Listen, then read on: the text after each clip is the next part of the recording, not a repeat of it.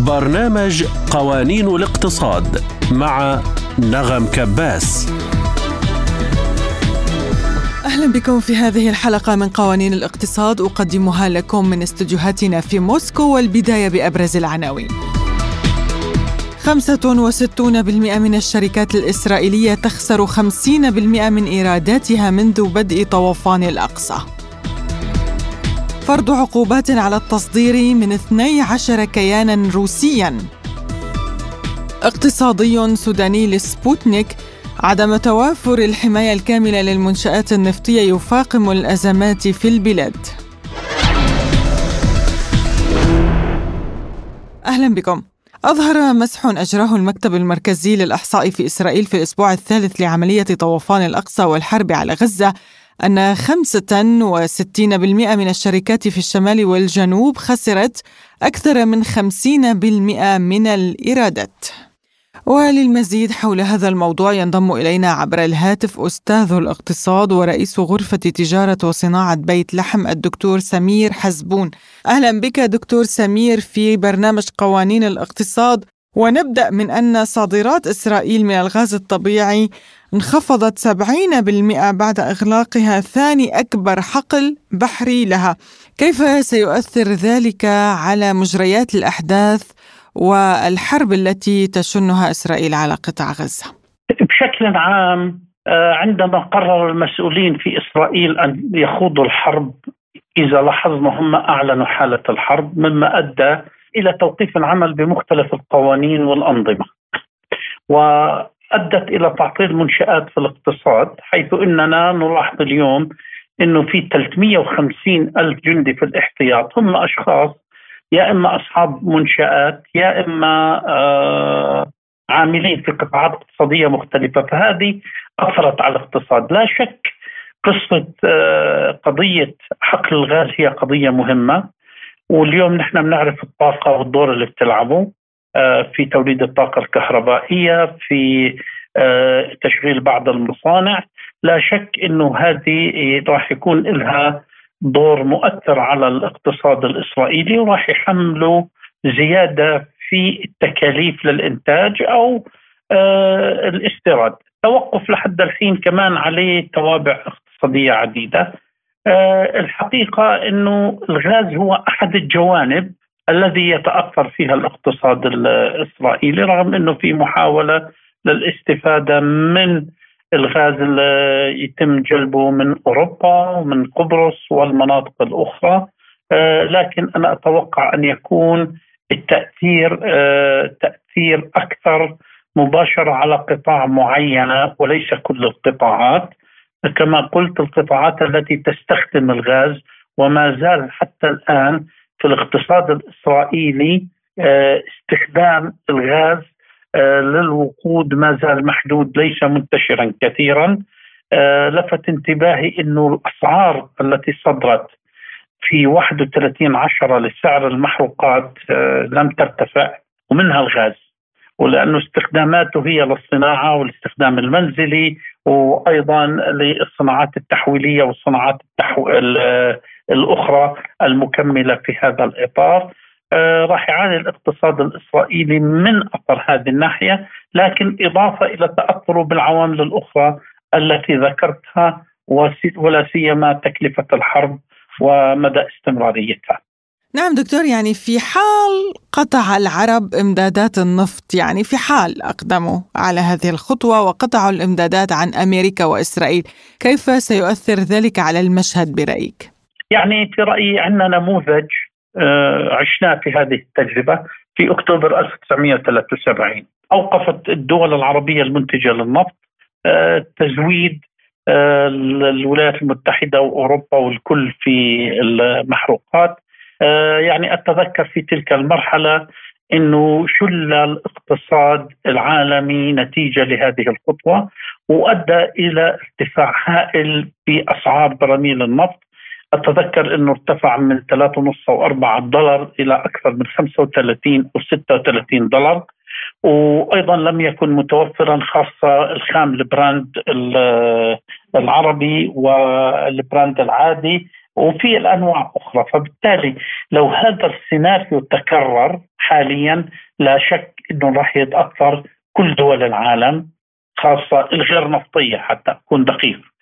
الدول الغير نفطية راح تتأثر أو الدول التي يعتمد اقتصادها على خامات المحروقات البترول ومشتقاته لأنه لا نرى في بس نوع معين لأنه الصناعات البتروكيماوية كمان تعتمد على هذا البترول الخام.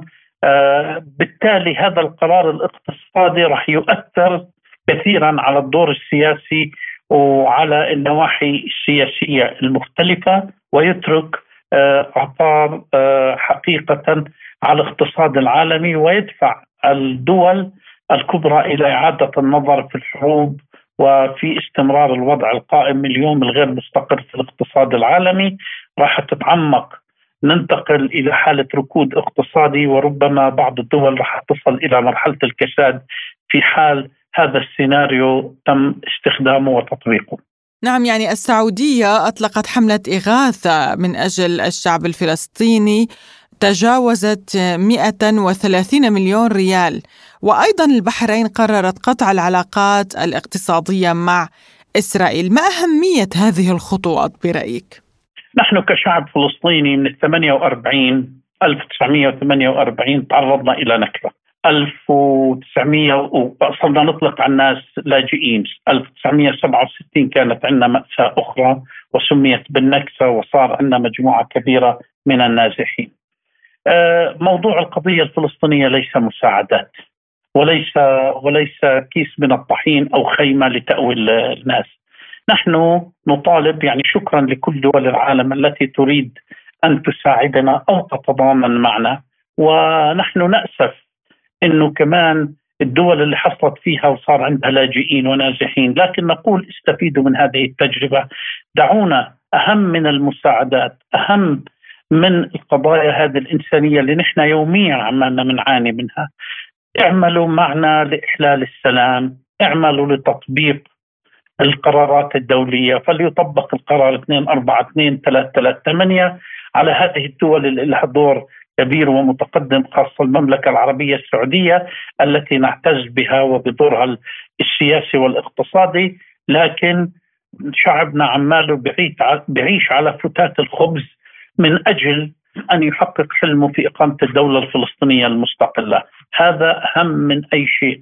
هذه المعاناة للأطفال للنساء للجميع.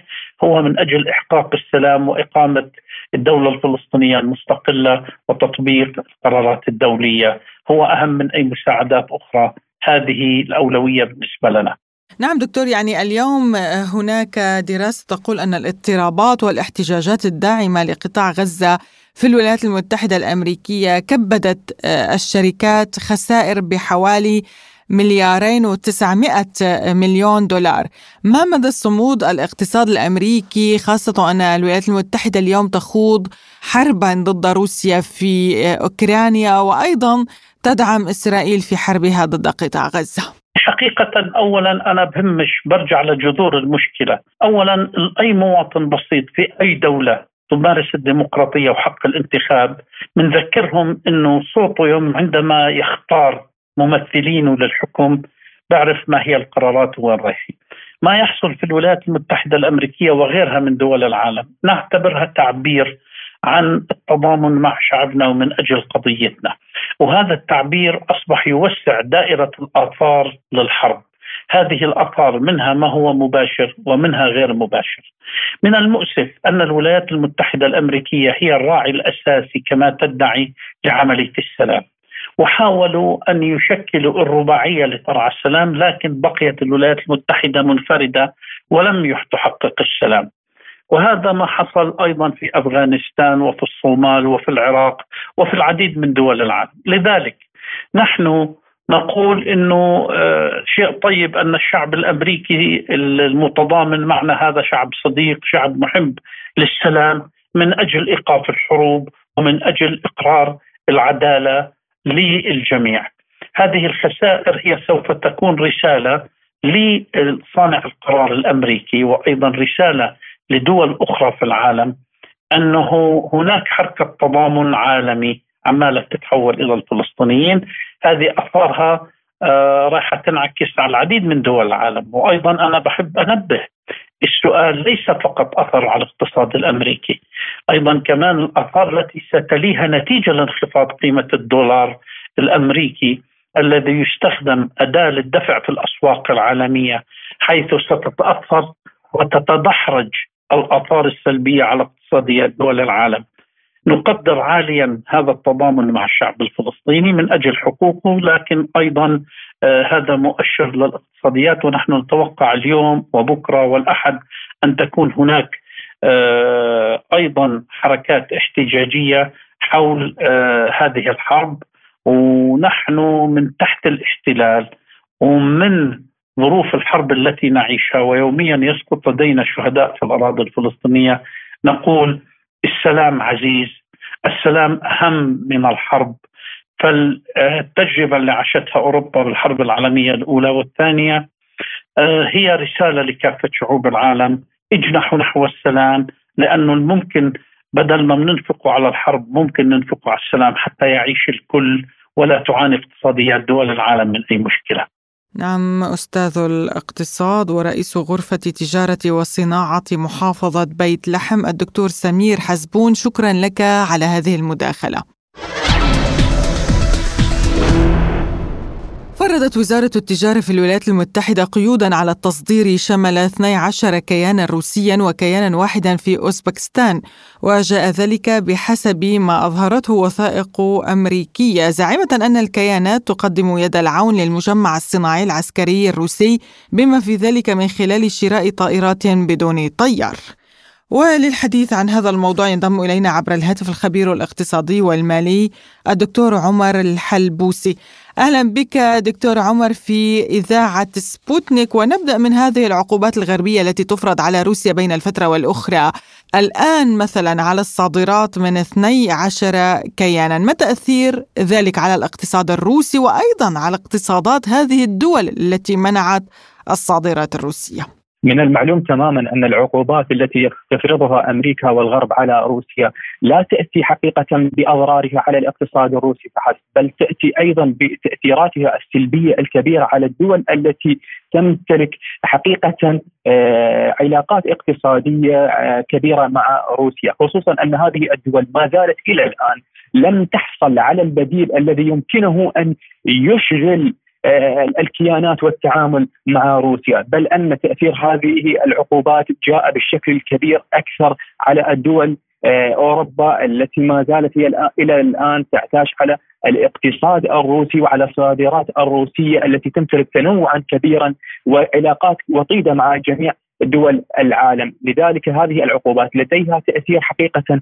محدود على الاقتصاد الروسي لكن تأثيره الأكبر والأوسع هو على دول أوروبا التي تقطع علاقاتها الاقتصادية مع روسيا وما زالت إلى الآن تبحث عن الشريك الاقتصادي الذي بإمكانه أن يشغل مكان روسيا ولكنها لم تجد هذا البديل وسوف تبقى تعاني لمدة طويلة وأنا أتوقع في النهاية أن هذه الدول الأوروبية سوف تعود مرة أخرى لرفع هذه العقوبات وعودة التعامل الاقتصادي مع روسيا بسبب كثير من العقبات التي تواجه هذه الدول. نعم. يعني نائب وزير الخارجية الروسي صرح أن العقوبات كلفت الاتحاد الأوروبي 1.5 تريليون دولار بينما التجارة تتجه إلى الصفر، من أين سيعوض الاتحاد الأوروبي هذه الخسائر برأيك؟ حقيقة الاتحاد الأوروبي يتخبط كثيرا وسبب التخبط في ذلك هو آه، ركنه وتبعيته إلى القرارات الأمريكية ما زال إلى الآن هو خاضعا للمظلة الأمريكية التي هي من تتحكم به وهي من تحركه وما زال إلى الآن يستنزف اقتصاديا ويستنزف سياسيا في كثير من المحافل الدولية. وأنا أعتقد حقيقة أن الاتحاد الأوروبي سوف تتعمق خسائره الكبيرة جراء آه، قطع العلاقات الاقتصادية مع روسيا وأنا باعتقادي لن يكون هنا هنالك حقيقة أي منفذ آخر بإمكانه أن يعوض الاقتصاد الاتحاد الأوروبي هذه الخسائر التي مني بها من جراء آه، قطع العلاقات الاقتصادية مع روسيا. الاقتصاد الأوروبي حقيقة يترنح بشكل كبير وهناك تراجع كبير جدا وكثير من المواقف السياسية كلفت الاقتصاد الأوروبي خسائر كبيرة. بالإضافة إلى ذلك هناك سوف تكون حملات مقاطعة كبيرة أخرى من كثير من دول الشرق الأوسط بسبب المواقف الأوروبية الداعمة للكيان الصهيوني. كل ذلك سوف يكون بالمجمل له أضرار سلبية وكبيرة على الاتحاد الأوروبي مما يجعله حقيقه مما يجعل اقتصاد الاتحاد الأوروبي حقيقة على المحك ويصعب كثيرا عليه تعويض الخسائر التي مني بها من جراء قطعه علاقات مع روسيا وكذلك من جراء وقوفه مع الكيان الصهيوني، لذلك الاقتصاد الأوروبي باختبار حقيقي وأنا أتوقع كثيرا من التراجع بالإضافة إلى ذلك انهيار كبير في اليورو في قادم الأيام.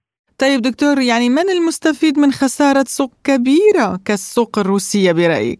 حقيقة خسارة السوق الروسي هو آه، أمريكا تحاول حقيقة أن تلفت نظر هذه الدول وتحولها باتجاه آه، السوق الأمريكية بالإضافة إلى ذلك آه، حلفاء أمريكا في دول أخرى ولكن أمريكا ما زالت حقيقة عاجزة على أن توفر كافة المتطلبات التي كانت توفرها روسيا التي تمتلك تنوعا اقتصاديا وصناعيا كبيرا جدا جعل كثير من دول العالم ترتبط اقتصاديا مع روسيا، بالإضافة إلى ذلك لجأت دول الاتحاد الأوروبي إلى بعض الدول في أفريقيا وإلى بعض الدول في الشرق الأوسط من أجل أن تعمل على ملء الفراغ آه، روسيا. ولكنها ما زالت إلى الآن هذه الخطوات خطوات بدائية لا ترقى إلى المستوى الكبير آه، إلى المستوى الكبير الذي يمكن حقيقة أن يحل معضلة آه، أوروبا.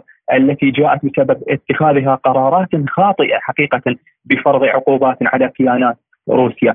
اما أما الخسائر الكبيرة حقيقة التي مني بها الاقتصاد الأوروبي سوف لن تكون حقيقة ذات أضرار مرحلية بل سوف تكون لها أضرار كبيرة جدا سوف تمتد لعدد من السنوات الأخرى. بالإضافة إلى ذلك إلى سوف يؤدي إلى ارتفاع التضخم بشكل كبير مما سيؤدي إلى ثورات شعبية حقيقة ناقمة على القرارات التي فرضت بحق الكيانات الروسية، لذلك الكيانات الرابحة ما زالت إلى الآن يعني لم تحقق النجاح الأكبر ولا تمتلك حتى الإمكانيات الكافية لشغل الاقتصاد الروسي، لذلك ما زالت هذه الكيانات الرابحة من خسارة السوق الروسي ما زالت إلى الآن آه، يعني آه، غير قادرة وغير مهيئة لذلك. طيب اليوم روسيا تتعاون مع العرب في إطار أوبك بلاس وهي دولة نفطية وغازية كما تعلم دكتور يعني إلى أي مدى يسهم ذلك في صمود الاقتصاد الروسي؟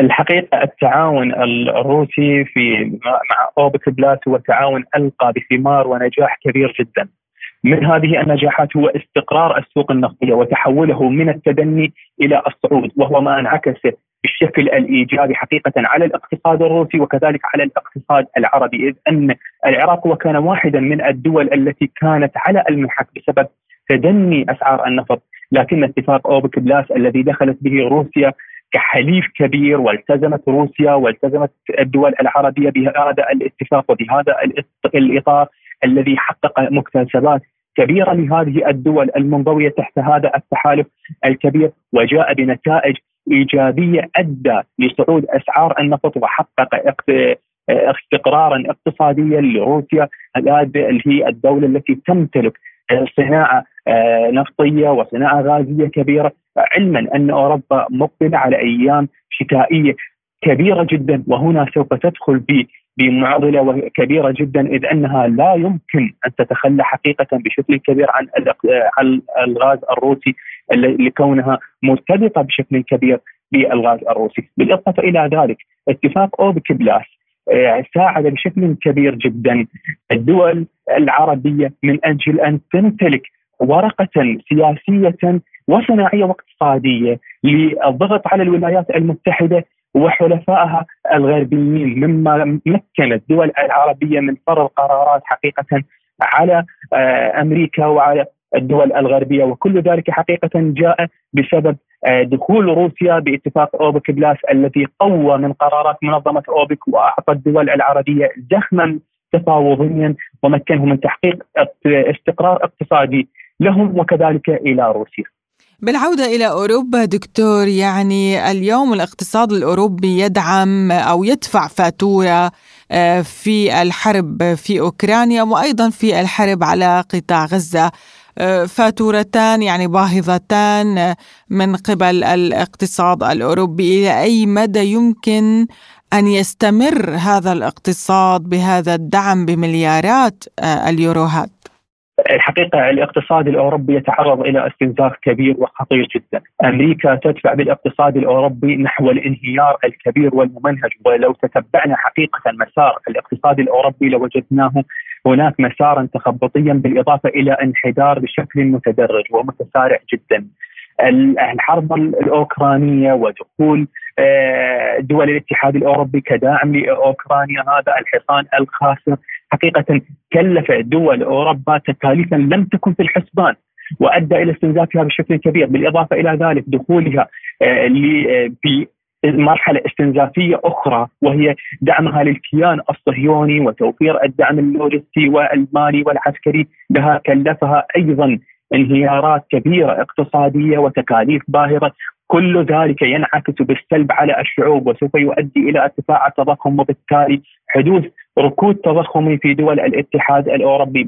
بالإضافة إلى ذلك سوف يعجل حقيقه من حدوث ثورات شعبية ناقمة على القرارات دول الاتحاد الأوروبي السياسية والاقتصادية التي دفعتها أمريكا نحو منزلق خطير سوف تكون له انعكاسات داخلية كبيرة جدا. بالإضافة إلى ذلك أيضا علاقات أوروبا مع الشعوب الشرق الأوسطية سوف تكون مضطربه جدا كونها وقفت إلى جانب الكيان الصهيوني الذي ارتكب ابشع المجازر بحق أهل غزة المدافعين عن أرضهم، لذلك أنا أتوقع حقيقة الاقتصاد الأوروبي لا يصمد طويلا، هناك كثيرا من العمليات الاستنزافية الممنهجة التي تجري له بسبب تبعيته السياسية والاقتصادية الأمريكية، لذلك أنا أتوقع على الأغلب عام 2025 سوف يدخل الاقتصاد الأوروبي بمنزلق كبير وخطير جدا. سوف تكون له انعكاسات داخلية كبيرة تؤدي إلى حدوث فوضى داخل دول الاتحاد الأوروبي. الخبير الاقتصادي والمالي عمر الحلبوسي شكرا لك على هذه المداخلة. استضافت المملكة العربية السعودية مبادرة مستقبل الاستثمار في نسختها السابعة بحضور حوالي ستة آلاف مشارك من تسعين دولة وعلى هامش المؤتمر قال الخبير الاقتصادي والمالي طلعت حافظ لسبوتنيك اولا حقيقه اشكر يعني قناتكم الرائعة لهالاستضافة وأعتقد إنه حقيقة مبادرة مستقبل الاستثمار في نسختها السابعة أصبحت يعني أثبتت للعالم على مدى سبعه نسخ حتى الآن بأنها حقيقة تتعامل مع الإنسان اولا قبل كل شيء. ولو لاحظنا حقيقة مبادرة مستقبل الاستثمار هي كما قلت تتعامل مع البيئة ومع المتغيرات المناخية وأيضا مع المتغيرات الاقتصادية. وتحاول أن تجد حقيقة الحلول من خلال استضافة خبراء وقادة في هذا المجال سواء على المستوى العام أو على المستوى الخاص.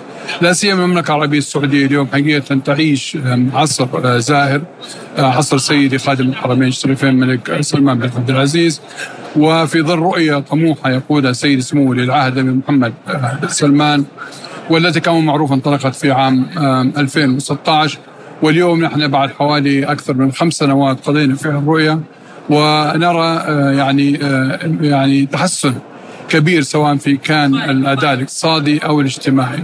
وأيضا على الصناعة لكن أيضا لم نهمل في هذا الزخم حقيقة من التطور الصناعي والاقتصادي. وكما معروف المملكه الآن تنتقل لصناعه الصناعه الثقيله ثقيلة كالسيارات وهياكل الطيارات والدرونز وغيرها.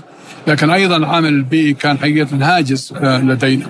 وهذا المنتدى أو هذه المبادرة وغيرها حقيقة تجسد حرص المملكة العربية السعودية على الحرص على البيئة. ورغم ما هو يوجد حقيقة من يعني ظروف واضطرابات جيوسياسية على مستوى العالم هنا وهناك إلا أن المملكة العربية السعودية تعيش في عصر زاهر حقيقة زاهر. ولا أنسى حقيقة ونشيد بالعلاقات السعودية الروسية علاقات متينة. سيما وأن كلا الدولتين حقيقة لاعبين رئيسيين وأعضاء رئيسيين فيما يعرف بالأوبك بلس في دعم استدامة الطاقة وهذا أمر مهم وتوازنها وإيصالها بأسعار مناسبة وديمومتها. وحول العلاقات الروسية السعودية أضاف حافظ روسيا والسعودية أشقاء حقيقة واصدقاء آه، منذ عقود آه، وهذه العلاقة الآن بدأت حقيقة تأخذ آه، منحى عميق أكثر مما كانت عليه لعدة أسباب حقيقة. اولا إنه المملكة العربية السعودية تعيش رؤية طموحة وروسيا من الممكن جدا أن تخدم حقيقة في كثير من الاتجاهات والمستهدفات لتحقيق الرؤية ليس فقط على مجال الطاقة لكن حتى اليوم رغم أن روسيا والسعودية لاعبين رئيسيين في في مجال الطاقة الأحفورية لكن أيضا في الطاقة النظيفة. وهذا أمر مهم حقيقة روسيا تستطيع أن تخدم آه، بقوة في هذا الأمر. إضافة إلى كذا طبعا دون أدنى شك المجال الثقافي والمجال الرياضي ومجالات عدة آه، منها صناعية تستطيع روسيا أن تؤدي آه، دور كبير. وأيضا في المقابل المملكة العربية السعودية سعيدة بهالعلاقة. التي أيضا تساهم مع روسيا حقيقة في التطور ما تشهده من تقدم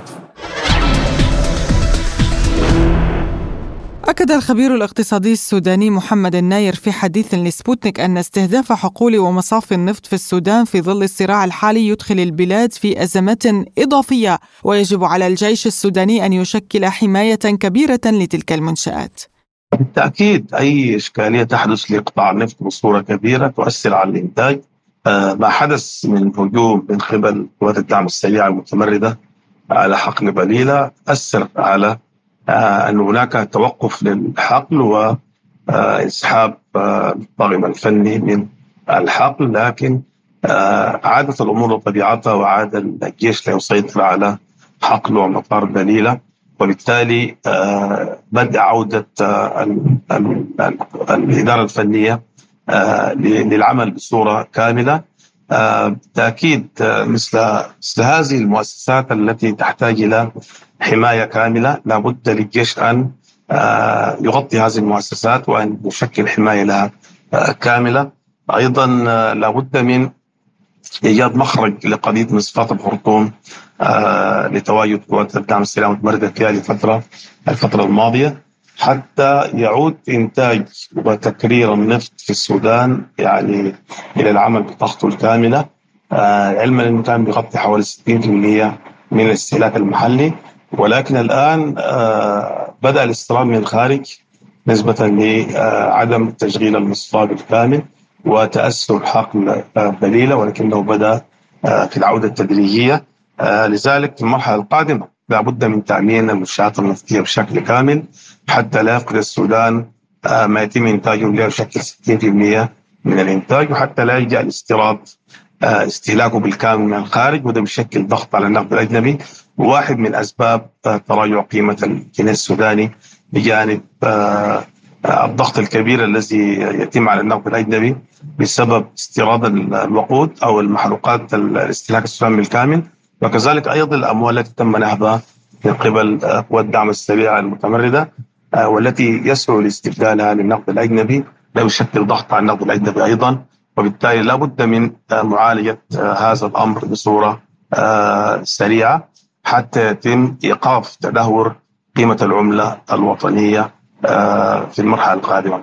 صحيح العملة الوطنية يمكن آه، تقريبا شيء طبيعي إنه أي دولة تعاني من حروب تتراجع قيمة العملة الوطنية لكن الأهم أن تعمل الدولة على آه، الحد من تدهور قيمة العملة الوطنية واتخاذ القرارات التي تساعد في الحفاظ على قيمة العملة ومنها العمل على زيادة حجم الصادرات وخفض الواردات أو ترتيب أولويات الواردات وكذلك أيضا العمل على زياده الايرادات في الموازنة العامة للدولة وترشيد الانفاق العام بصورة آه، جيدة.